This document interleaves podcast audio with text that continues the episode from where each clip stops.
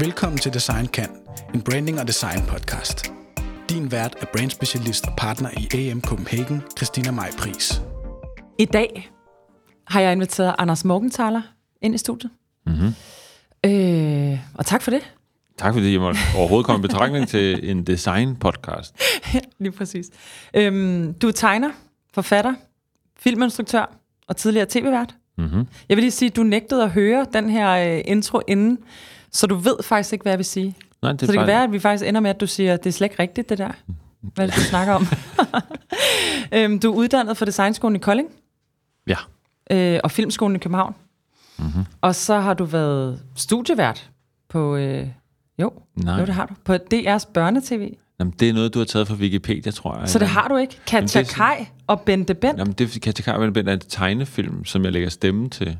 Ja, men så er du også på en måde. Jamen, der ved godt, der står Det på nettet, en- jeg er studievært, men jeg ved Det skal ikke, du til hvordan at få ændret. Jamen, jeg ved ikke, hvordan man ændrer det.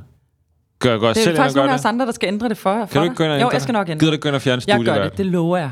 Ja. Og så har du øh, instrueret afskillige musikvideoer. Det er også fra Wikipedia, ja. Det er meget Men det er jo gammelt. rigtigt. Ja, det har jeg, men det er 20 år Men det er siden. da stadig stort. Jo, jo. Det er da flot, og det er jo navn, vi kender. Ja. Jeg nævner bare Kashmir. Som er det Øh, navn, vi måske. kender. øhm, ja, og så er der selvfølgelig øh, Ulf Morgenthaler, Ja. som jo øh, både er en øh, tegneserie og et tv-program. Ja. Og, så Og. er der hele historien efter Morgenthaler, hvor du har bevæget dig sindssygt ind i en masse bæredygtige projekter på den ene eller den anden måde. Ja. Og er for eksempel aktuel på tv lige nu. Ja, det er rigtigt. Ja. Du er en af de få, der har set det. Ja, jeg synes, det var rigtig godt. Ja. Øhm, med en form for øh, bæredygtig versionering af... Øhm, Hvis Er du siger løvens hule? nu, må jeg ikke sige det? det sagde du, det var det, var det de ikke ville have, det var, og så er det det, alle siger. Man må ikke sige det. Jeg trækker det tilbage. Jeg, jeg siger det, det er selv. derfor, det er så meget smartere lige at tjekke sådan en intro, inden vi går i gang. det er også meget sjovere at høre, Ja. tror jeg. Men øh, hvad vil du tilføje? Hvad mangler jeg? Hvad har jeg misforstået? Udover at du ikke har været til- Jamen, alle de der ting, der står på Wikipedia, det er sådan nogle, der står fra 20 år siden. Altså, du ved, jeg har jo virkelig lavet 5-6 spillefilm, øh, animation og voksenspillefilm, og, og så har jeg faktisk de seneste 10 år brugt mest tid på at altså ved siden af mit arbejde, brugt mest tid på bæredygtighedsvirksomheder og starte ting, som har en omstilling. En Prøv skole prøv, og sådan noget. Prøv at fortælle mig, hvorfor du hoppede ud i det. Altså, hvor, hvor hele skiftet kom. Jamen, øh, jeg ved ikke, det kender du sikkert selv, men det tror jeg mange mennesker, der arbejder med design, eller nu må vi ikke sige reklame i det her, eller film, eller sådan noget, men det er, Vi må gerne se film. for at kunne leve af det, den type ting, vi laver, så kræver det en ekstrem sådan, selvoptagethed. Det kræver en opportunistisk måde at være i verden på. Specielt hvis man lever af det, jeg gør, som er sådan kunst, eller mainstream kunst. Så kræver det, at du er super selvoptaget. Helt fra du er teenager til du er går på de her skoler, du nævner og sådan noget der. Altså, det, du er nødt til ligesom at være ekstremt optaget af, hvad du vil, og hvad dit ego vil, og alt det der. Og så, havde, og så har jeg jo lavet en masse ting, som nogen, altså noget af det er succeser, og noget af det er vanvittigt fiasko, ikke? Altså, og så for, så har det været sådan en gradvis bevægelse af, at da jeg fik børn, og ligesom var i hele den her kreative klasse, hvor alle hele tiden skulle på yogaferie til Goa, og de skulle sammen lave langtidsstegt spidsbryst for en eller anden ko, der havde stået ude på Rømø eller et eller andet sted. Ikke? Altså alle havde gang i sådan nogle økologiske og projekter, ikke? Men det hele var jo, de lavede jo alle sammen, du ved, reklamefilm for Mærsk og alt muligt andet og sådan noget. Og jeg selv tog mig i at flyve sådan over Atlanten hver anden måned for at prøve at sælge pandaerne, som vi havde lavet på det her tidspunkt, som var en tv-serie, som, som var, som kun, altså som der var interesse for i USA, mm. altså i Hollywood. Så det var sådan, du ved, totalt skizofrent. At på den ene side, så gik man og vaskede blæer, og man øh, var øko-fixeret, og vi var i gang med at bygge en skole, altså den grønne ja, friskole grønne og sådan noget. Fantastisk projekt. Ja, min kone Fiambos og øh, Karen McLean, hendes venindes, at det er deres barn, ikke? Øhm, så jeg begyndte at sidde og læse alle IPCC-rapporterne, de her executive summaries og artikler og alt det. Jeg var ikke, blev ekstremt opslugt af klimaagendaen, fordi den er ligesom så endegyldig. Og det her, det er 10 år siden. Ja, det er sådan en gradvis bevægelse fra vores børn var små. Blev du deprimeret? Ja, ja, selvfølgelig. Mm. Men jeg bliver, ikke, jeg bliver ikke sådan på den måde deprimeret, hvor jeg går ned i sådan noget apati, eller bare sidder i en sofa Øh, jeg bliver ekstremt handlingsorienteret. Øh, fordi det er faktisk, når vi sidder og snakker nu, så går det op for mig, at det er en del af, hvorfor jeg blev kunstner. Det var altså en form for panik, der altid har drevet mig. Altså, jeg kan ingenting. Jeg kunne ingenting i skolen. Altså, ingenting. Jeg kunne tegne, that's it. Alt andet kunne jeg ikke. Altså, Men det er jo ikke rigtigt. Jo, det er seriøst rigtigt. Jeg kunne ikke læse, jeg kunne ikke stave, Og jeg kunne ikke... tænke. Ja, men det er jo ikke det, skolen understøtter. Nej. Skolen understøtter, at du har nogle evner, som du mm. så bliver god til, og hvis du på ingen måde kan opfylde nogen af de krav, så er du jo i en form af sådan, enten så bliver du deprimeret, sådan, du ved, tungsind og ryger hash, og tænker, Åh, hvad skal jeg så lave, ikke? Jeg tror, jeg altid har været sådan total overlevelsesmode. At du ved, jeg skal finde ud af at leve af det her. Jeg skal fucking Altså finde ud af- kunst, eller- Ja, ja, ja. at tegne og Kunne du lave mærke film. det dengang? Ja, 100 procent. Var det Fra- fordi, du følte, at der, der ikke var andet, eller var det fordi, du bare blev drevet Nej, af at udkomme? Altså eller? helt plat, ikke? Ja, Så var det, da jeg så den film, der hedder Dead Poet Society. ja. Og bare 100 procent, altså 100 procent kunne identificere med, med alt i den film. Altså med de mennesker. Det at leve af at være kreativ, var så meningsfuldt, at man nærmest ville dø af det, ikke? Altså det kunne jeg 100 procent bare... Hvor gammel var du der? Der har været 15-16 år eller sådan eller andet. Det kunne du mærke. Ja, 100 procent. Altså hvis virkelig sådan, du ved... Men hvad, hvad, var det, hvad kom du ud Jamen, med det er der? fordi- hvad var det, du ud, Det er fordi min for far, selv, min far er læge, og mm. jeg har sådan en lægefamilie, og min mor er pædagog, og, og så omgivet af enormt mange mennesker, som havde lykkes, som lykkes med at lave det, de gerne ville. Ikke? Og, og der kunne jeg bare se, at øh, jeg, kan ikke, jeg kan ikke de der ting. Jeg kommer ikke til at kunne gå op og stå op på arbejde øh, hver dag klokken et eller andet. Det vidste du. Ja, det gør jeg. Det, det, det er indlejret i... Der er sikkert også en eller anden diagnose på spil, som er uafklaret her i en alder snart 50 år, men altså, jeg tror, jeg ligger på et eller andet mild spektra af distraktion, som man vil, vil sikkert label ADHD eller et eller andet. Og det vil sige, der er en, var en meget klar erkendelse af, du kommer ikke til at blive motiveret til at lave noget som helst, hvis, du ikke, hvis det ikke kommer Det indenfra. kom for lyst. Og, s- og så, øh, så det har drevet mig hele mit liv. Altså hele mit liv har været drevet af hele tiden at finde ud af, hvad har du lyst til, hvad har du lyst til. Og så er jeg blevet sat ned i nogle rammer, som animator eller som illustrator eller et eller andet, hvor nogen har været med til at sætte nogle rammer for mig, jeg kunne gå ind i, mm. eller jeg selv har været med til at kunne sætte dem op. Og film har altid været sådan en ekstrem lystfuld ting, så du ved selv, når alting sejlede og kaotisk eller et eller andet, så har der alligevel været en vis form for styring mm. i det. Og film er heldigvis også en miljø, hvor der er nogen, der påtager sig nogle roller, og jeg siger, hey, jeg kan godt lide at holde styr på noget, og nogen kan godt... Mm. Og der er- var det jo ekstremt fedt for mig at være i det. Men det har jo så bare egentlig kunne bevæge sig over i alt muligt andet. Altså fordi, hvis du kan lave en film, kan du også lave et firma. Mm. Så du kan lave et produkt. Du kan også lave... Hvorfor? Prøv lige at forklare det. Jamen det er fordi, det at lave en film, det er, jeg vil gerne lave noget, du interesseret, skal se. Det vil sige, du skal interessere dig for det. Det vil sige, at allerede der er det jo et produkt, der i princippet skal have en reklamekampagne, som skal være attraktiv, som skal være et eller andet, du skal engagere dig i. Mm. Så jeg skal finde ud af alle mulige måder, jeg vil fortælle en historie, og jeg har en vision, som, du, som jeg vil have, du engagerer dig i. Mm. Enten som et kunstværk, eller fordi jeg vil sige noget. Mm. Og så, det har jeg lavet enormt meget af. Altså, også humor, altså comedy er jo det samme. Jeg vil gerne underholde dig, jeg vil gerne have den anerkendelse, jeg vil gerne underholde dig, fordi det lever af den energi, der er i det. Ergo skal jeg finde ud af, hvordan underholder jeg dig med noget, jeg synes er vigtigt og sjovt og alt sådan noget der. Og det er jo et produkt. Var, var, var humoren noget, du havde med helt fra starten af? Ja, var det, altså, var det sjovt, det du tegnede Ja. dengang? Det er også overlevelsesting. Altid. Okay, Altså- så du var lidt sådan klassens Hun- uh, funny, funny guy. Ja. Eller i hvert fald med på den vogn, Ja. i at prøve at underholde. Ikke? Gymnasiet var jo sådan en underholder, ikke? Ja. Altså, hvis jeg overhovedet var der. Så du Øh, var på gymnasiet? Ja, men det var... Det var ja, du kender det, hvor man tænker, var det en fejl, eller var det ingen Ja. fejl? Altså, men det gymnasium, da jeg var ung, var jo heldigvis stadig så åbent, mm. at det handlede om anmeldt dannelse. Og det vil sige, sådan som mig, som lå og rodede rundt nede i bunden af karakterskalaen, der handlede det om almen dannelse, og man anerkendte, okay, ham der går der, når han er irriterende, så sætter vi ham uden for døren, eller halvdelen af tiden møder han ikke op, og så må vi se, hvad han kan skrave sammen. Ikke? Så jeg har et af landets laveste gennemsnit fra gymnasiet. Ikke?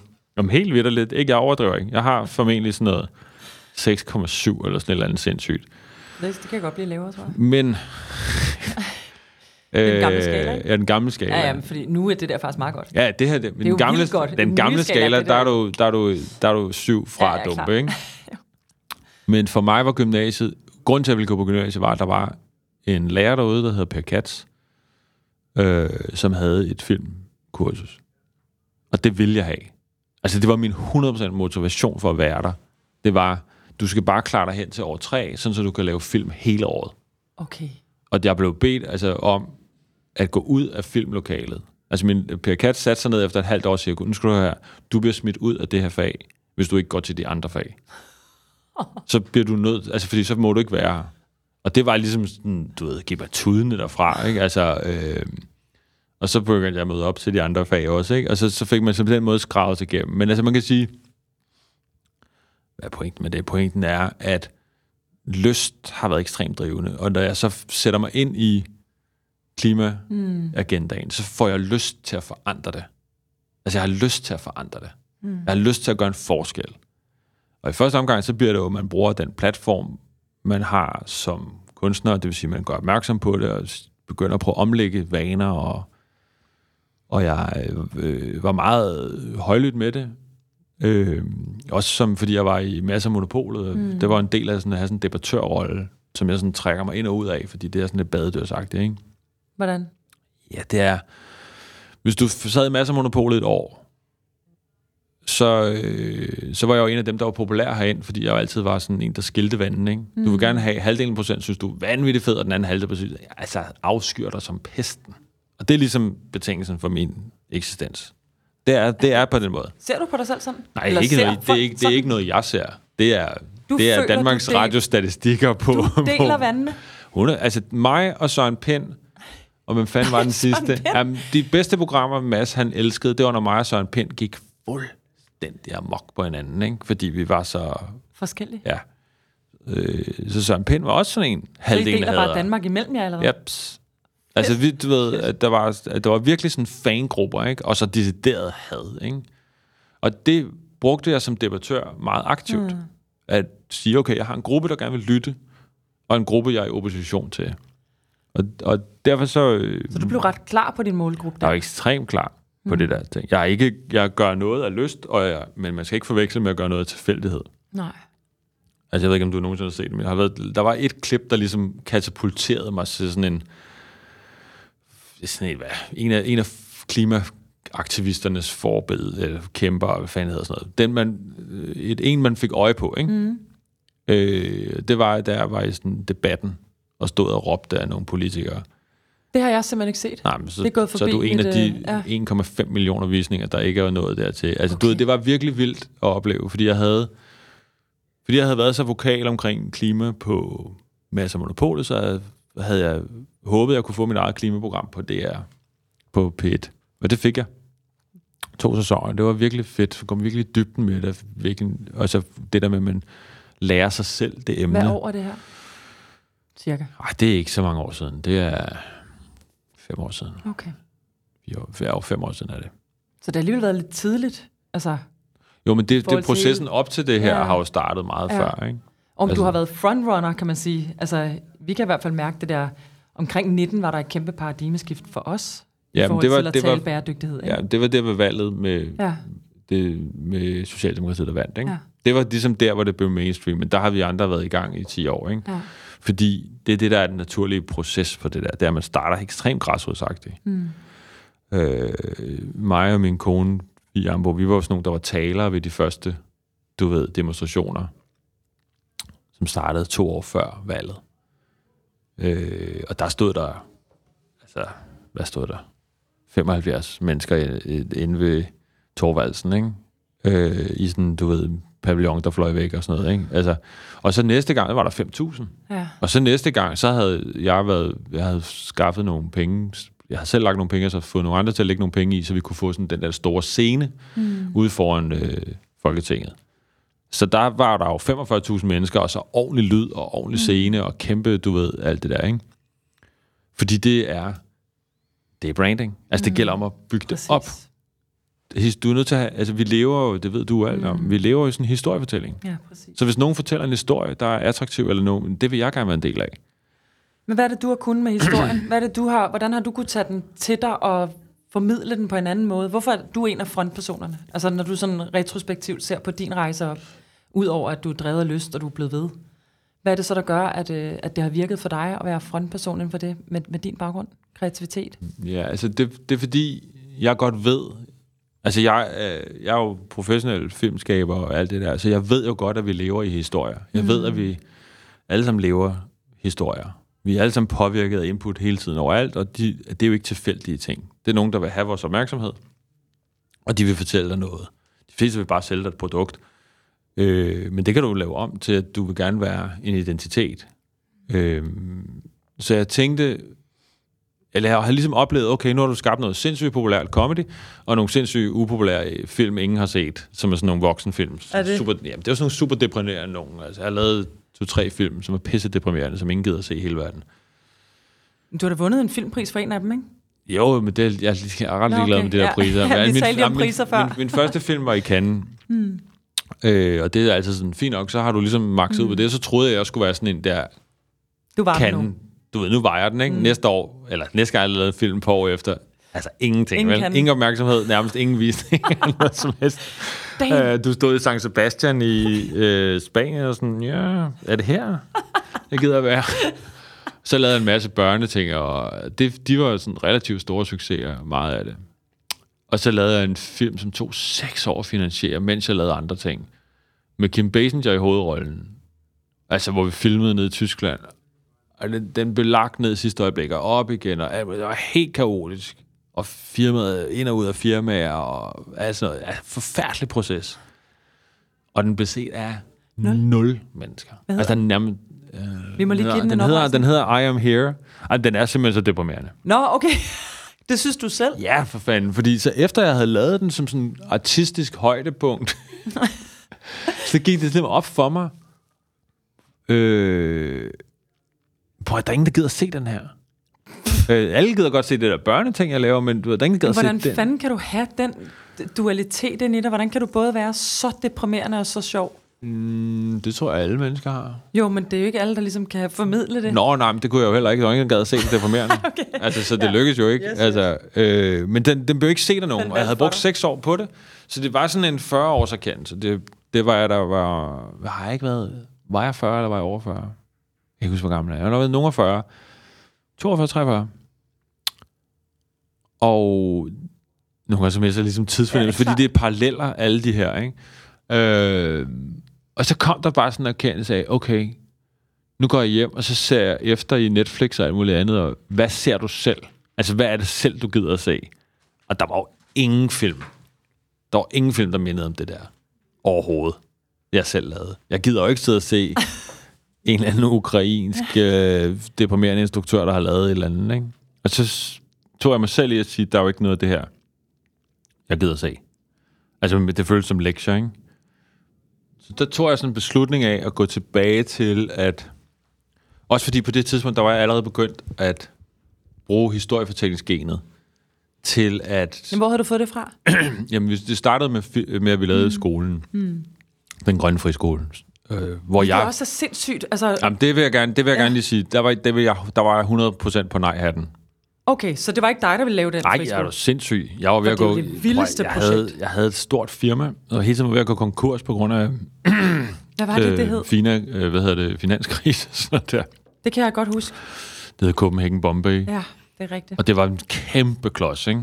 Altså, du ved, vildt mange ansatte, og der skulle skaffes sygt mange penge hele tiden. Og så gik vi i gang med at lave skolen, som er FIS idé, og altså, som er en, den grønne friskole er skabt ud af ideen om at sige, hey, vi kan, ikke, vi kan ikke vise vores børn klimakrisen, og så tro, det motiverer dem til at lave noget om. De er nødt til at vise dem øh, en masse øh, forskellige evner, og en forbindelse til naturen, og en forbindelse til at lave noget med sine hænder, for at de kan lave noget om, og føle det. Det er øh, så godt tænkt. Øh, så, og det var jo en branding. Ja. Altså, det er jo en branding-proces, hvor man siger, det er det her, vi laver. Det er det her, der er ideologien, filosofien.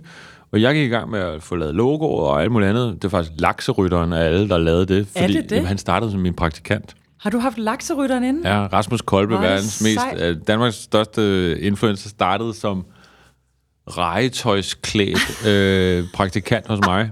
Jeg, havde, jeg har faktisk kendt ham, jeg, kendte ham, han, jeg har kendt ham helt siden... Det må du lige sætte nogle ord på. Jamen, Hvor han, han, klædt ud som han havde altid sådan noget opmærksomhed. Han bestilte hele tiden sådan noget tøj, der gav opmærksomhed. Nå, Øh, bare en lille anekdote der. Jeg, jeg, han, han vandt en konkurrence i Horsens bedste tegner, og så kendte jeg ham bare derigennem. Og så kom han på designskolen, og så var jeg, jeg har været, hvad hedder det, associated, hvad hedder det, associeret professor Ja. der. Så jeg lavede sådan nogle forløb, hvor han var der. Han var by far den, der var mest altså, engageret i at prøve at lave en forandring, og få du ved, noget over disken, og få lavet noget forretning, og alt sådan noget der. Han var skide sjov. Har det også lykkes ret godt for ham? Ja, så blev han, øh, så blev salg, han, ikke? det, det, så blev han min, min praktikant. Øh, og så sagde jeg, hey, kan du ikke også lige lave det her logo, og ved, noget med en hjerne, eller noget med en idé inde i en plante, og altså ikke noget, efter din standard, ikke genialt, vel? Øhm, og så, hvad havde, så, så skulle jeg i noget morgen til, øh, morgenradio omkring en film.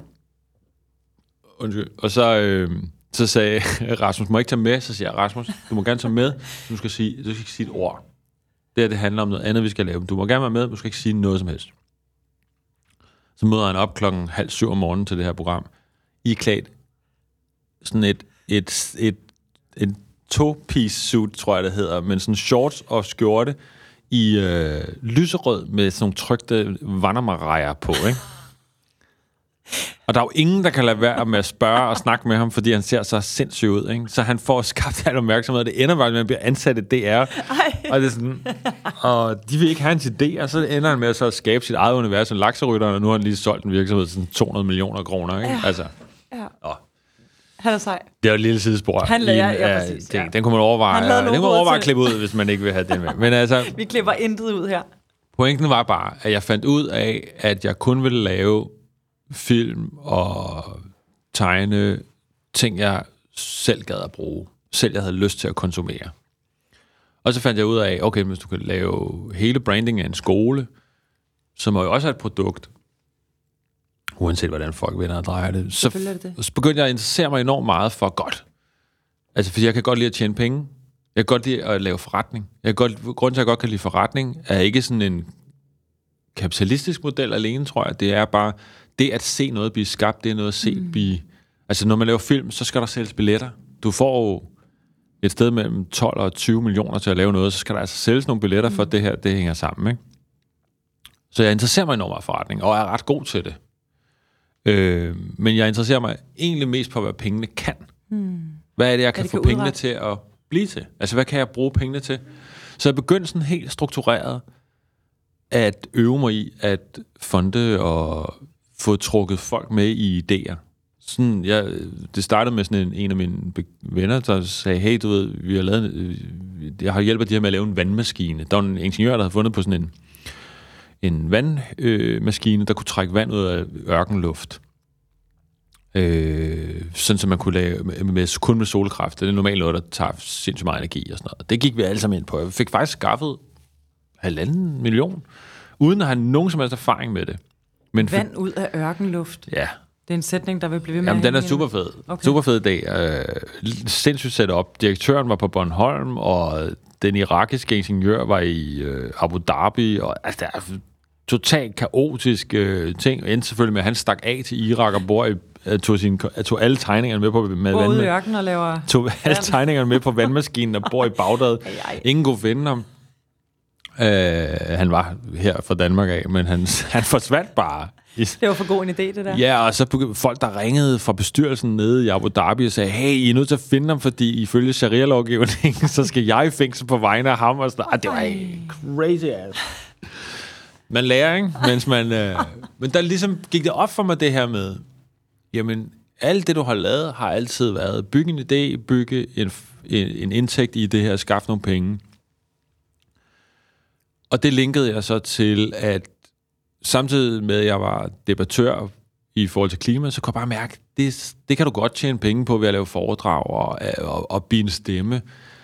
Men jeg tænkte bare hele tiden, det går, det går ikke. Jeg er nødt til at have en hånd på kogebladen. Altså, jeg kan ikke sige til alle mennesker, I skal lave jeres vaner om, I skal lave jeres, øh, I skal lade være med det ene og det andet, eller I skal gøre noget andet, uden selv at bidrage til den forretning og have hånden på kogebladen pengemæssigt.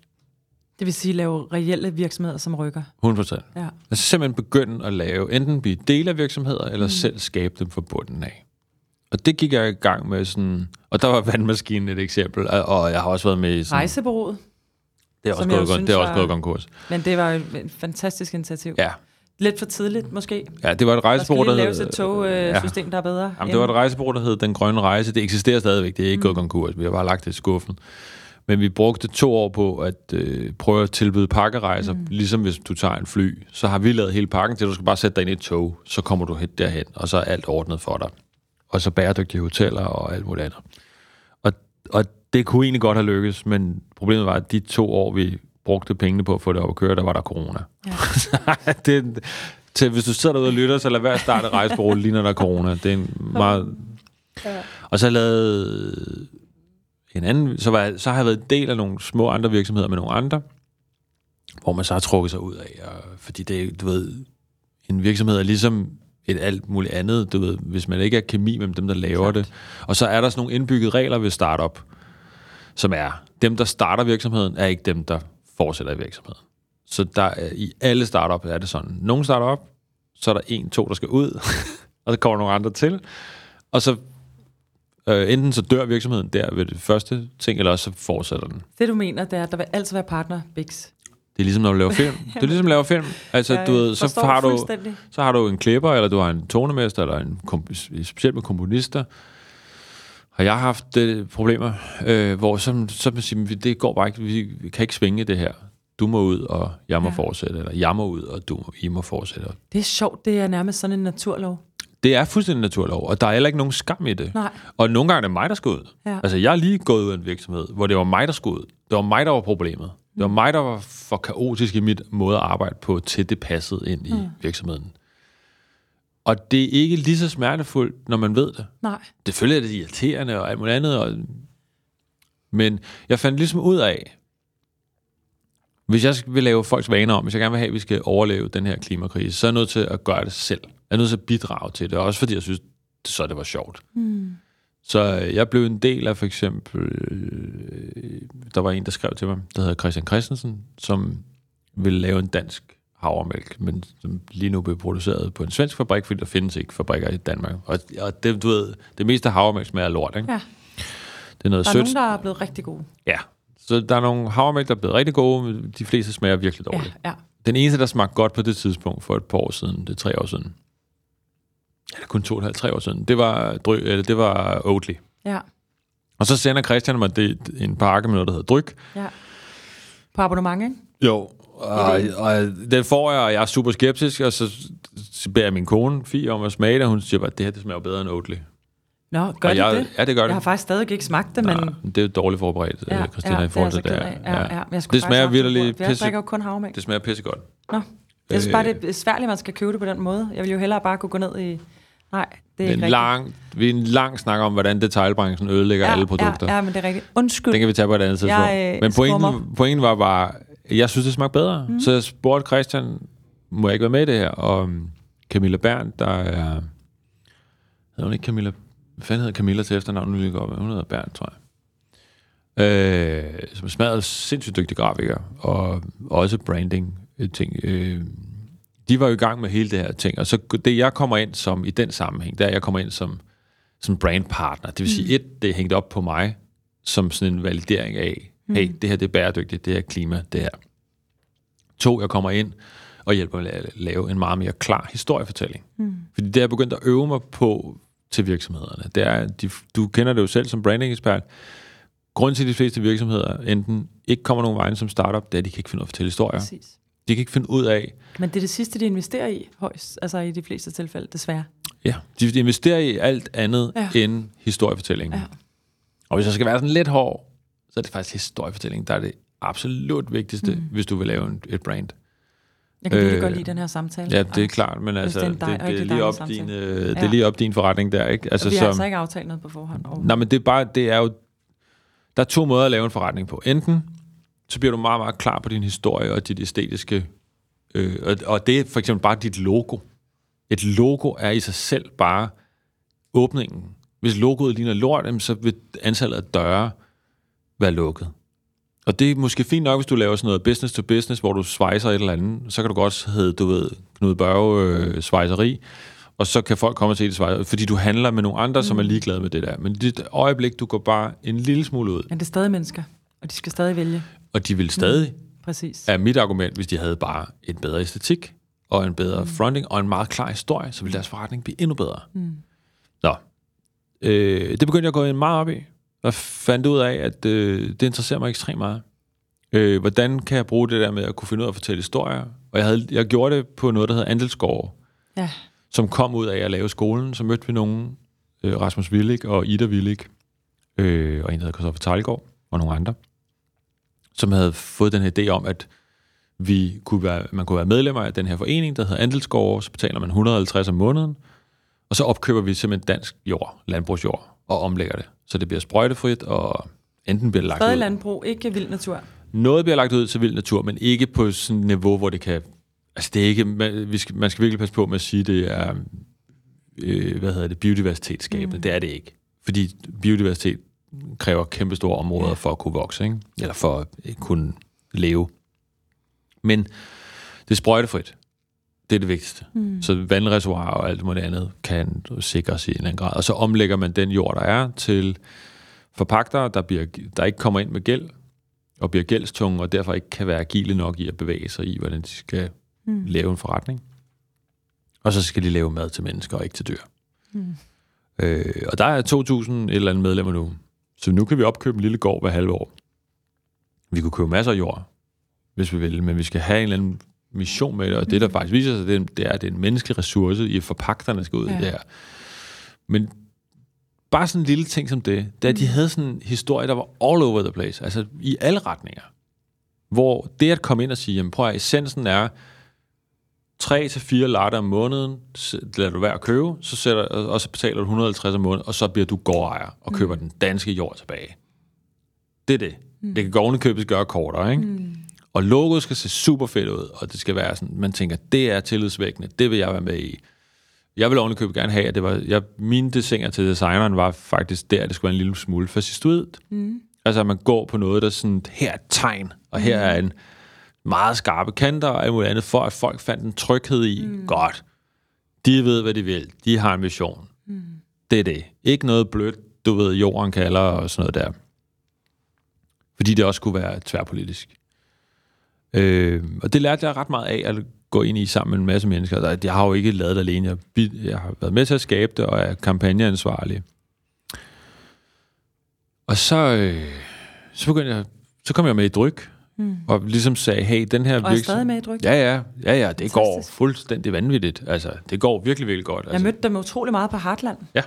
Fantastisk. det er mig, der har været med til at få dem Ja, der. okay, Men øh, Jeg mødte ikke dig på Heartland, synes jeg.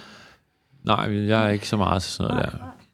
Det er fordi, hver gang jeg kom hjem fra folkemøde, så var jeg nærmest ved at gå ned med stress med alle de aftaler, jeg havde bagefter. Klart. Så jeg holder mig væk nu for de der ting, hvor man kan blive opportunistisk anlagt. Ja. Hvad, Øh, når du kigger tilbage på nogle af alle de her forretninger eller initiativer, du har været med til at skabe, især de sidste 10 år, Mm. hvad er du mest stolt af? Jeg er meget stolt af skolen. Altså det der med at lave en skole sammen med en masse virkelig dygtige mennesker og lære, det jeg virkelig, der går jo 200 elever, og, Ja. øh, og der, er, der er også masser af problemer, ligesom der er, altså ved, alle skoler har problemer, så nogle ting er problemer, men det der med, at der sådan grundlæggende er en pædagogik og en læringstilgang, som handler om, at man skal lære, tillære sig en masse forskellige evner og man skal arbejde i sådan nogle øh, projektorienterede læring. Det, det, det er jeg meget glad for.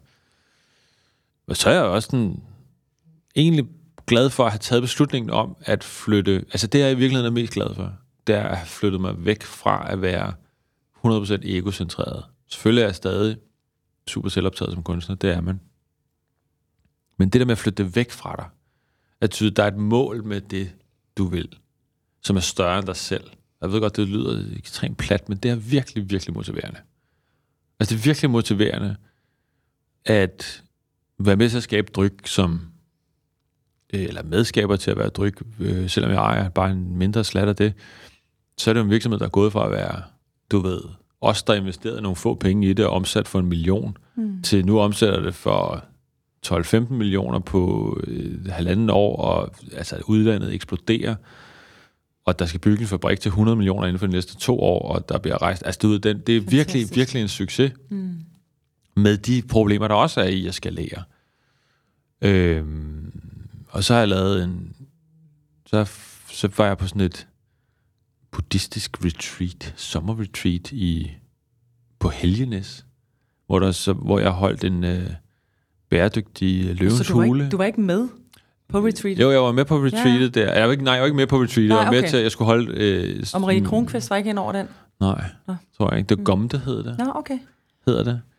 Ligger helt hysterisk smukt i Helgenes. Nå, men der, grunden til, at jeg nævner det, fordi jeg prøver lige at nævne, hvorfor det er nogle gange, man kommer til at lave noget. Ja. Altså, som er det. Nå, men der, er- så holdt jeg sådan en buddhistisk grøn øh, løvens hule, hvor folk skulle komme og pitche virksomheder, som ville jo som udgangspunkt gøre det godt for menneskeheden og hele det der, og så samtidig kunne være en forretning, men det skulle være noget, der var godt. Og så var der en kvinde, der sagde, at hun var enormt træt af, af indgangskaffekopper. Hmm. Altså hun var simpelthen følt sig skamfuld hele tiden at bruge dem, og jeg kunne ikke lide det. Og kunne man ikke lave pant på det? Så tænkte jeg, mm.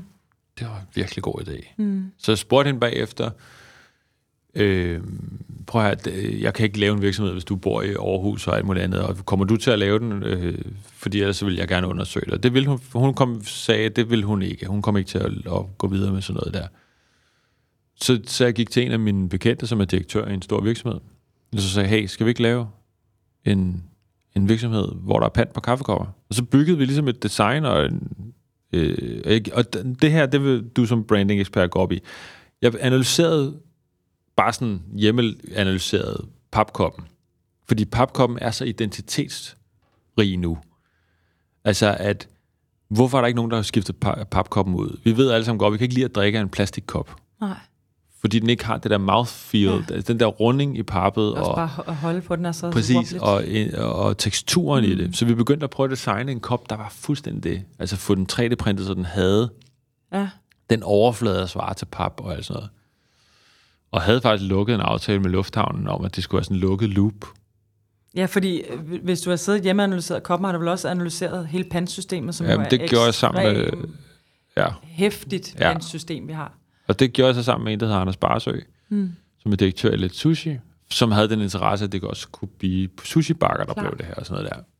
Så vi startede med det der. Nå, det hører så en, der hedder Gitte. Hun hører om det her, og siger, hey, det her, det, det, det er faktisk noget, jeg vil i gang Det er noget, jeg er i gang med, og jeg vil bruge hele mit liv på det. Og vi siger, jo, det er lige præcis det, vi har brug for, fordi vi kommer ikke til at bruge hele vores liv på det, fordi jeg, jeg kan ikke gå i drift med det. Altså, jeg er ikke en driftperson på den måde. Så det var faktisk det, vi ledte efter, at det skulle ske. Så vi slår os sammen med Gitte.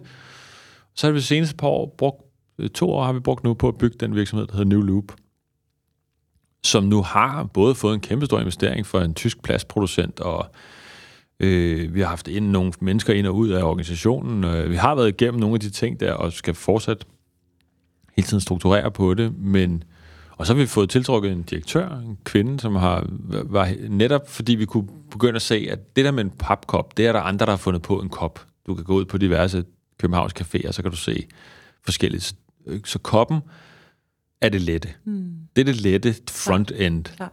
Det, der viser sig at være hele pointen med, med et pandsystem på kopper, er, at det er en tech-virksomhed. Mm. Det handler om logistiske ting, det handler om, hvordan får du den vasket, det handler om øh, det allervigtigste, som du selv lige sprang til med det samme, det er pengesystemet. Mm.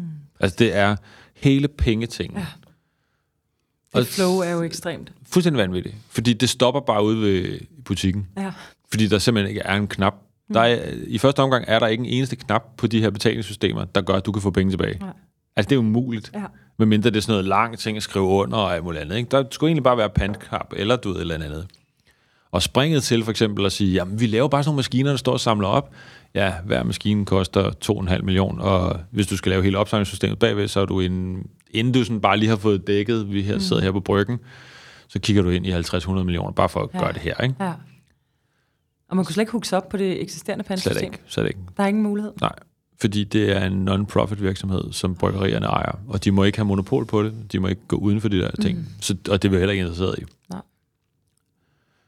Så har vi fået en, der hedder Christina Bak Primdal på, som har tilfældigvis implementeret Apple Pay i hele Danmark og siddet i Jyske Bank, og hun er super interesseret og virkelig, virkelig god på virksomheden. Så hun sidder i dag som CEO, og jeg er i virkeligheden bare sådan badedyr, der brander lortet, eller skal ligesom, jeg forretningsudvikler det med dem, og bygger hele historien i det. Og det vi nu kan se, det er, at det vi skal, det er at bygge den der ekstremt komplekse rejse fra, at du smider en emballageform med pant på ind her, så bliver den vasket, roteret, kommer tilbage i systemet og opsamlet og alt muligt andet, og pengene ryger frem og tilbage og alt sådan noget der. Det er det, der er systemet. Ja.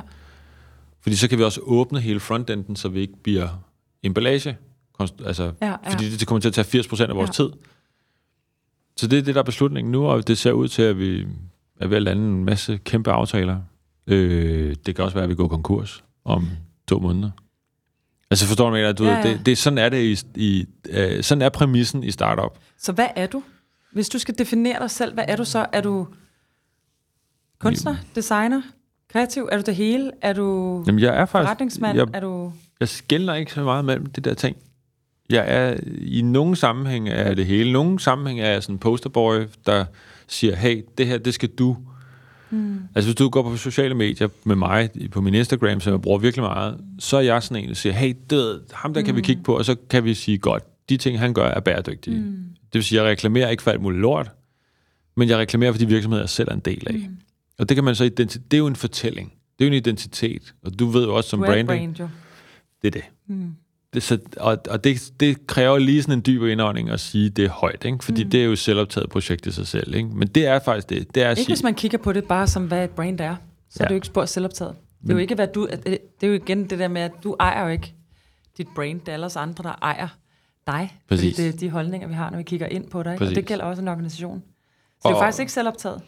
Nej, men så kan man så sige, også når man begynder at sætte sig ind i branding og design og alt sådan noget, så ret hurtigt får du sådan en ret deprimerende oplevelse af, at øh, der er så meget forskning. Altså ham, der hedder Pelle, et eller andet, der sidder nede på RUK, kan gøre dig deprimeret som, øh, som branding-person. Det kan være, det er derfor, jeg ikke har mødt ham endnu. Ja, nå, det er fordi, der er ikke noget, der virker. Okay. Altså, du ved, det der med at sætte sædler op og flot designet og alt muligt andet, det er folk pisse ligeglade med. Hvordan ændrer vi noget? Det jeg, gør jeg vi. tror, vi, vi to havde sådan en indledende samtale, hvor du også sagde humor, for eksempel. Ja. Humor kan noget. Kreativitet kan noget. Design kan noget. Altså, hvad, hvad gør vi for alt det? Det handler om adfærdsændring. Og det Ja. handler om, nu havde jeg Catherine Richardson inde i podcasten, ja. og tale om, hvad, hvad handler hele den her, øh, den her klimakrise egentlig om. Og hvor hun jo bare sagde det der med, at det handler jo grundlæggende om, at vi jo ikke er connected til naturen længere. Vi mm. føler ikke, vi er natur. Og det handler om, at vi har et eller andet ressourceregnskab, vi har fucket helt op. Altså, vi, vi bruger jo selvfølgelig for meget, end vi har, Mm. og vi begynder at blive oversvømmet af det hele. Hvordan laver vi adfærdsændringer ned på et uh, helt almindeligt menneske? Hvordan laver vi store adfærdsændringer? Du er jo i det hele tiden. Altså, ja. er det bare at stifte virksomheder, som så rykker lidt Nej. ved agendaen, eller hvad, Nej, hvad gør det, vi? Det, det er det også. Det, der er den... Det, der er det lette svar, er, at man skaber nogle forbilleder, så kan andre efterligne det. Forstår du, hvad jeg mener? Hvis jeg det er er et sådan for... lidt lemming-effekten. det var det, jeg ville sige med det der adfærdsforskning-ting, er, det er bitte små nudging-ting, der skal mm. til, men det som jo også, du kan jo se det med influencerbranchen, folk vil gerne efterligne noget, de mm. ser og siger, det vil jeg også være. Jeg vil være ligesom det. Man laver nogle, Mm. man laver nogle forbilleder, og de forbilleder kan være mere eller mindre manipuleret Mm. til, man vil. Altså rigtig mange influencer er mennesker, der er blevet talende billboards, mm. og siger, hey, se mit liv, det er fedt, jeg lever det her, du kan også leve det her liv. Eller og en gang imellem græder, jeg synes, mine børn er irriterende. Ikke? Men siger, Øhm, jeg går ud og siger, hey, hvis du skal købe noget, så køb kun de ting, der gør verden lidt bedre hele tiden. mm. Øhm, men det rigtige svar er, at det er alt, der skal laves om. Ja, præcis. Og det er Det er virkelig, virkelig ørkesløst at sidde og... og uoverskueligt. Ja. For, men så det rigtige svar er, du lever lige nu i en tid, hvor du er nødt til at sige, jamen det kan godt være, at jeg lever her, det kan godt være, at jeg vil gerne være lykkelig, jeg vil gerne have sex, jeg vil gerne have penge, jeg vil gerne have et dejligt liv. Men du, du er født på et tidspunkt, hvor hvis menneskeheden skal overleve, så skal du opgive dit ego for at kunne sørge for, at der er en verden Mm. til dem, du elsker. Mm. Og det vil sige, du skal så vidt muligt indgå i alle relationer, der gør verden bedre. Mm. Øh, og det er der også heldigvis meget, der peger på. Altså, når jeg snakker med Louise Vilsgaard, der sidder i Skive, og er ansvarlig for, øh, for Green Talk, eller hvad fanden nu hedder det op. Øh, Det er jo Skive er Danmarks mest grønne by, ikke? Øh, der sidder hun og er connectorledet mellem studerende og virksomheder. Og så jeg skal op og lave noget for dem, og så siger hun så, jamen, og så spørger jeg om, hvordan er det, at, du ved, er, er det stadig sådan, at studerende de helst vil være motiveret af penge eller andet? Så siger hun, ingen virksomhed nu kan tiltrække nogen mennesker. Nej, heldigvis. Det kommer nedefra. Men Du det kommer som en storm, Du, det kommer og netop... virksomhederne har ikke set det. De har ikke set det komme. De har, de har, jeg synes i hvert fald, hele den her omstilling har det været meget sådan et spørgsmål om, at øh, eller svaret har været, jamen vi venter til, at efterspørgselen er der, Og hvor den, at vi laver omstilling. det er for sent. det er for sent. Det, som Louise siger, er, hvis du som virksomhed ikke laver et bæredygtigt produkt, mm. eller en bæredygtig funktion, service, whatever, så får du ingen mennesker. Nej. Så enten er din virksomhed i gang med en transformering, der siger, at vi skal over at være 100%, Transparent. Øh, ja, fuldstændig transparent transformering til at blive 100% bæredygtig, mm. eller have en bæredygtig mål, eller også, så har, eller også er du i gang med at lave det. Mm. Det er de eneste virksomheder, som de unge vil arbejde for. Og hvis de så ikke kan få job på det først, så kan du være 100% sikker på, at det er det, de bygger skills op for at komme hen til det næste. Og det er jo ekstremt positivt. Ja. Og for eksempel elbiler, bare sådan et eksempel. Jeg har kørt elbil, siden den kunne køre 80 km på en opladning. Ikke? Det er virkelig deprimerende. Så den næste bil, jeg fik, den kører 350, 380. Den, jeg har nu, kan køre næsten 500 km. Øh, og det undervurderer folk, mm. der er sådan lidt mere venstreorienteret, hvor store effekter det har systemisk at lave de her dyre investeringer, som er din bil, dit hus, din lejlighed. De har enorm effekt. Fordi hvis, altså, jeg bruger det, der hedder Onkel John-trækket. Øh, øh, Og Onkel John-trækket, det er noget, alle kan bruge, når de tror, de lever i en boble af, at ting går godt eller et eller andet. Så kan man lige spørge den, der er uden for boblen, som måske er relateret til noget af det, du tror går godt. Og jeg har programmeret proklameret, elbiler er noget af det bedste, fordi det vil ændre hele den systemiske tilgang til fossile brændstoffer. Men så er jeg så altid brugt Onkel John, som er fis Onkel John, der er regnskabschef hos Folkevogn i Kolding, ikke? Og han ved godt, at han er... øh, Jamen, det er vi gennem fire, fire år, har onkel John og jeg siddet ved siden af hinanden til alle familiefødselsdage, ikke? Så en gang om året, eller to gange om året, så har jeg så spurgt onkel John siden ja, fire år. Altså helt siden jeg fik den der lortebil, der var det ligegyldigt, så grinede han bare, ikke? Ja. Men for fire år siden sagde onkel John, det er fint, Anders. Dig og din øh, kreative klasse, eller du rige svin, I kan købe den der Tesla, og så kan I sidde og underholde jer selv med, det er omstillingen. Året efter, så var efterspørgselen faktisk på 4%. Op mod 8. Jeg var sådan, åh, onkel John, det er da godt. Ja, men det kan man slet ikke drive forretning på og sådan noget der. To år siden 23 procent, fordi der kom ID4'eren og ID3'eren. Og så var jeg sammen med ham til en konfirmation for et halvanden måned siden. Hvordan havde Så onkel John det sagde, så sagde jeg til onkel John, at han var rykket til Vejle nu. Nå, okay. De har samlet det hele. Ja. Og øh, så siger jeg, hvordan går det så med det? Så siger han, jamen Anders, det er meget interessant. Øh, nogle af 90 procent af alle forspørgseler på biler hos Folkevogn er nu elbiler. Og det er altså på to år. Fantastisk. Og det, det som jeg godt kunne tænke mig at slutte af med at sige, som sådan, hvordan ændrer vi verden? Det er, et, du skal være indstillet på, at det er noget, der skal leve videre uden for din livstid. Det er den ene ting. Men den anden ting er, at alle forandringer kommer i S-kurver. Der vil jeg anbefale alle at kigge på Tony Seba, som er disruption-forsker, og som er med i den fond, der hedder Rethink X, eller en tænketank, men som er øh, ideologi-uafhængig. Og skriver de mest provokerende rapporter om, hvordan disruption kommer til at ske inden for de næste mm. par år. Og det, der er, det er, at vi lever i en tid nu, hvor de næste 10-15 år bliver så sindssyge i forhold til disruption. Øh, vi ser det nu på biler. Altså, det her med lineær inf- in, øh, implementering af 1 million elbiler, det sker ikke. Det sker 1 million elbiler på en direkte opret kurve på fire år. Mm. Øh, og det samme kommer til at ske med mad, energi, alt. Altså, vi, får, vi står over for den mest, altså sådan, Du lyder positiv. Jamen, jeg er enormt positiv, men altså, jeg, det kan også godt, jeg kan også godt liste alt det frygtelige om. Jamen, det behøver du ikke. Nej. Der men kan man du- lige gå tilbage i de sidste 12 afsnit af podcasten. Nej, men vi ved ikke, hvad vi skal stille op med de der 400 millioner øh, flygtninge, der kommer fra klimakrisen, og vi ved heller ikke, hvordan vi skal nå at redde den sidste biodiversitet helt. Vi kan have nogle Vi har glimmer. 11 procent vild natur i Danmark.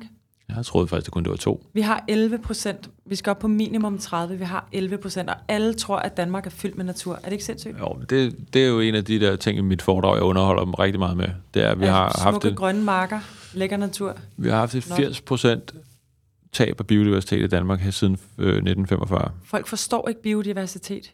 Nå, det passer ikke helt. De forstår der det, er hvad? mange, der stadigvæk synes, at det er for fjern fra dem. Er det, Det- det bare bierne, eller Det hvad? tror jeg egentlig ikke er helt rigtigt. Nå. Øh, fordi jeg jeg var med var nej, men det var fordi, jeg, lavede, jeg fik idéen til at lave et program sammen med en, der hedder Geo, der hedder Giv os naturen tilbage på DR, Ja. hvor jeg pitchede mig ind som vært selv, og vi var i udvikling, kom DR tilbage Hvordan og sagde... det? Jamen, DR kom tilbage og sagde, jeg, vi synes faktisk, vi, du, du skal ikke være vært. Nå. Vi lægger programmet ned, fordi du er skide upopulær i Jylland. ja. altså igen, de er 50-50. Der var 50-50 lidt for stort Jylland til... er ikke så glad for dig, men, men Ej, det var- det var det er Søren ikke- Pind kan, det er ikke han helt, virker det, i Jylland. det, er, det er ikke helt rigtigt. Okay. Det var bare, pointen var bare, at jeg var for kontroversiel som vært mm. til sådan en type program. Så skulle vi lægge programmet ned, så sagde både Geo og jeg, "Ah, skal vi ikke ringe til bunderøven, som jeg kender? Mm. Og så spurgte jeg Frank, om han ville være det. Så blev han det. Mm. Og det blev et psykopopulært program. Mm. Og det var faktisk med til. De kan Folk- godt lide ham i Jylland. i hvert fald. Ja, men for et par år siden var de faktisk, var, det var et program, der kørte for to år siden, kommer en ny sæson nu. Mm. Og det har faktisk ændret den almindelige danskers indstilling. Og det har ændret ikke mindst alle kommuner. Mm. Så prøv at lægge mærke til i din Så kommune. hvad er det for nogle ord, de putter på? Det synes jeg er interessant. Hvad er det, de ser? Jamen, altså det, som alle ser i det her, eller det, som alle skal begynde på, det er det her med, at vi skal se på naturen med et andet blik. Og det er, at det vilde, det rode, Det er rådne også træer. æstetisk. Nej, det er federe. Ja, ja, men det er jo Fordi- der, hvor folk de er helt... Øh, Jamen, det er ikke det rigtigt. plejer at være smukt, når det, Det er helt ikke rigtigt. ordnet. Det er ikke Nej, det rigtigt. er slet ikke rigtigt. Altså, Christina, det er ikke rigtigt. Der er en stor del, der stadig gerne vil have friserede ting. Ja, der er en stor Mm. del, der gerne vil have DM Greenkeepers mm. til at komme og putte der lort på deres, øh, deres græsplaner. Ja. Men der er en kæmpe bevægelse. Og der var, Og det er også i de ældre generationer? Nej, det program, der overbeviste mig om det, det var faktisk meget sjovt. Det var sådan noget, der hed Sommerdrømmen på TV2, som handler om sådan nogle mennesker, Jeg ser der... simpelthen ikke tv nok. Om, har, har I set det? Nej. Om, det, er sådan, det er sådan dejligt, du ved. Øh, det kræver intet af dig. Fedt. det program. Øh, men det er fem par, der renoverer nogle huse. Sommerhus for så et par vinder sommerhus til yes, sidst. okay. Godt. Det er sådan et par, der er fra Hvidovre, og som er slet ikke det, du vil betragte som woke overhovedet. Altså, de fætter rundt og har det fedt i deres, eller de er arbejdsliv. De er det, man vil kalde fuldstændig almindelige mennesker, som man før ville associere med lige hække, alt muligt andet. ja. Og hende kvinde i den der, hun går hysterisk meget i at bygge øh, bihoteller og alt muligt andet. Og det var så uventet en Ja. side af hendes målgruppe, hvor jeg ville tænke, det segment, Så der er sket noget. jamen det er der, men der er, jeg er enig i, der er lang vej derhen. Og så kan man så sige, forvildningen af haverne, forvildningen Mm. af vores ko- altså kommuner og offentlige steder, det er en ting, og forvildning er noget af landbruget. Men det, der sker lige nu, er jo, at vi får udlagt, vi skal have udlagt kæmpe store sammenhængende områder. Ja, præcis. Og den bevægelse er i gang. Og om den går for langsomt, det gør den nok, men den er i gang. Det er virkelig dejligt at høre. Ja. Hvis, øh, hvis vi sådan her helt afslutningsvis lige skal binde en krølle på, jeg, du kan godt mærke, at jeg flere gange har prøvet. Ja, ja. Jeg har også givet op. Men nu prøver jeg lige igen. Mm. Men øhm, binde en krølle på det her design og kreativitet. Ja. Hvad er det for en rolle, alle designerne, der kommer ud fra skolerne, og alle de kreative hoveder, der også ikke er uddannet, men bare autodidakter, men faktisk har de her evner til at, at tænke anderledes. Hvad er det, de skal gøre og bruges til? Hvad er De- det, vi kan, som er anderledes? Jeg tror, der er to ting. Den ene er at sige nej. Jeg tror, at hvis designerne som kollektiv sagde nej til at arbejde for destruktive virksomheder, og det kræver virkelig, virkelig meget, når man ikke kan betale sin husleje og alt muligt andet, men det er det, det kræver. Det er, at man vil ikke arbejde for virksomheder, der ødelægger verden. Så kan de ikke kommunikere. Altså, det, den magt har designerne. Hvis de lavede... Altså, strengt taget kunne vi opfinde noget nu, som er, at øh, du, Christina, du er super øh, ihærdigt menneske og initiativrig. Du kunne bare lave et board nu, der hed øh, Designer Sustainability øh, Foreningen. Og der mødtes I, og så så laver I et krav, hvor I sender ud til alle igennem den her forening. Kræver vi nu, at vi alle medlemmer ikke arbejder for destruktive virksomheder. Det vil sige, at jeg arbejder ikke for oliebranchen, jeg arbejder ikke for noget som helst, jeg arbejder heller ikke for Arla. Øh, fordi der er alt for meget greenwashing og alt det mm. pis, og vi ved alle sammen grundlæggende godt, hvad det er for nogle regler, vi skal arbejde mm. for. Så designer kunne ødelægge al kommunikation. Altså dit bureau og alle sådan nogle mm. typer og kommunikationsbureauer kunne ødelægge. Det er klart, der vil selvfølgelig være et virksomhed, der går udenom det, og så tager alle de der opgaver. De lever en stakket rig frist. Mm. Det kunne I gøre. En ting var at sige, at vi ikke arbejde for ting, der ødelægger verden. Det har jeg besluttet mig for. Ja, ved, men vi har faktisk samme beslutning, så jeg forstår det, men, Men den prøv er at sætte det virkelig, system. virkelig svær at, øh, men at få sæt det system. Ja. Du kan ikke gøre det alene, jeg kan Nej. ikke gøre det alene. Det eneste, jeg har lært, det er fællesskaber. Mm. Du er nødt til at lave fællesskaber, der forandrer de her ting. Mm. Det er faktisk det, jeg vil slutte af med at sige, det er, du kan godt tage beslutningen i, i AM Copenhagen, Mm. men du kan ikke udleve den, uden du bliver irriteret og deprimeret over, at du mister opgaver, og du sendt ting. Men hvis du går sammen med 10-20 andre og siger, nu slår I sig sammen, og så siger, vi lever på det her kodek. Mm. Og hvis man træder forkert uden for det kodek, hvis man tager Coca-Cola, Mm. du er ude. Det, er, det er en svær proces, det der med at definere, hvem det er, fordi man skal forstå sindssygt meget om de virksomheder, man arbejder med. Fordi det er jo nemt nok at sige olieindustrien, tobaksindustrien, Arla. Det er Men sværere. det er jo ikke sværere, end at hvis I nu lagde 2.000 kroner om måneden 10 virksomheder, så kunne I betale en, nogle forskere, som var tilknyttet, som så sagde godt. Fordi du kan ikke lave en rapport, men I kunne have en fast retainer, der sagde, Mm. 25.000 om måneden går til nogle forskere, der hele tiden definerer, hvad er sustainability. Mm. Hvad er det, I kan sige nej til og ja til? Og det var det, de, altså det 2.000 kroner ud af dit budget, vil være ingen penge. Lad det være en opfordring ud til alle de designbureauer, som Nej. har lyst til at uh, Du skal joine starte med mig. det. Du skal starte det. Klart, men nu har I hørt, det findes, kan findes, kan komme til at eksistere. Jeg synes, det, det lyder super spændende og utrolig scary. Men du kunne godt, hvis vi lige brainer på Mm, den, så ja, kunne du godt, du kunne godt være øh, initiativtageren. Så skal du finde ud af, hvem i din branche er dem, der er rigtig gode til drift, og sådan nogle, der elsker at sætte ting i system. Så partner du op med mm. dem, og de hader at være det, du er. Mm. Altså, du er den, der samler alle, og mm. engageret, og social, og udadvendt. Det er de ikke så vilde med, men de kan godt lide det der med at sidde og lave mm. spreadsheetet bagved, ikke? Ja, Det er det vigtigste, ellers ved overlever det ikke. fat i så. Ja. Ellers overlever det ikke. Mm. Det er det, jeg har lært. Så det med at hugge sig op med... Fællesskaber, hvor alle har en rolle at spille, der er defineret. I stedet for det er dig og mig, der laver det, så vil vi være super engageret og spise frokost hele tiden, og så vil det gå dødt om seks måneder. Ja, lige så snart driften træder ind. Ja. Og hvad ellers? Du sagde, der var to ting med designer. En ting er at sige nej. Hvad er den anden ting? Ja, det er så at tage Lave alle... fællesskaber. Ja, fællesskaber. Mm. Og så den sidste, hvis man lige skal putte den tredje på, ja, det er at engagere sig i alle de startups og alle de mindre virksomheder, der er i gang med at vil forandre verden, uden at tage kassen for dem. Hjælp dem op. Simpelthen bare sige, prøv at, I, I har 20.000 kroner eller 10.000 kroner, fint, dem tager vi, udvikler vi helt lortet til jer.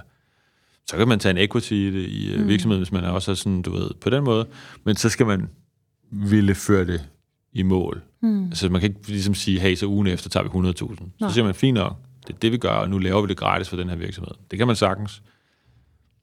Så det der med at bidrage med det, vi er allermest dygtige til. Yes. Som er sindssygt meget værd. Fantastisk. Tusind tak. Og tak, fordi du lyttede med på podcasten Design Kan. Gæsten var Anders Morgenthaler. Du kan følge podcasten på Design Kans hjemmeside, Facebook-profil eller på AM Copenhagens Instagram. Afsnittet i dag er optaget, klippet og mixet af Jeppe Volmer, og jeg håber, vi høres ved næste gang, hvor jeg igen vil undersøge alt det, som design kan.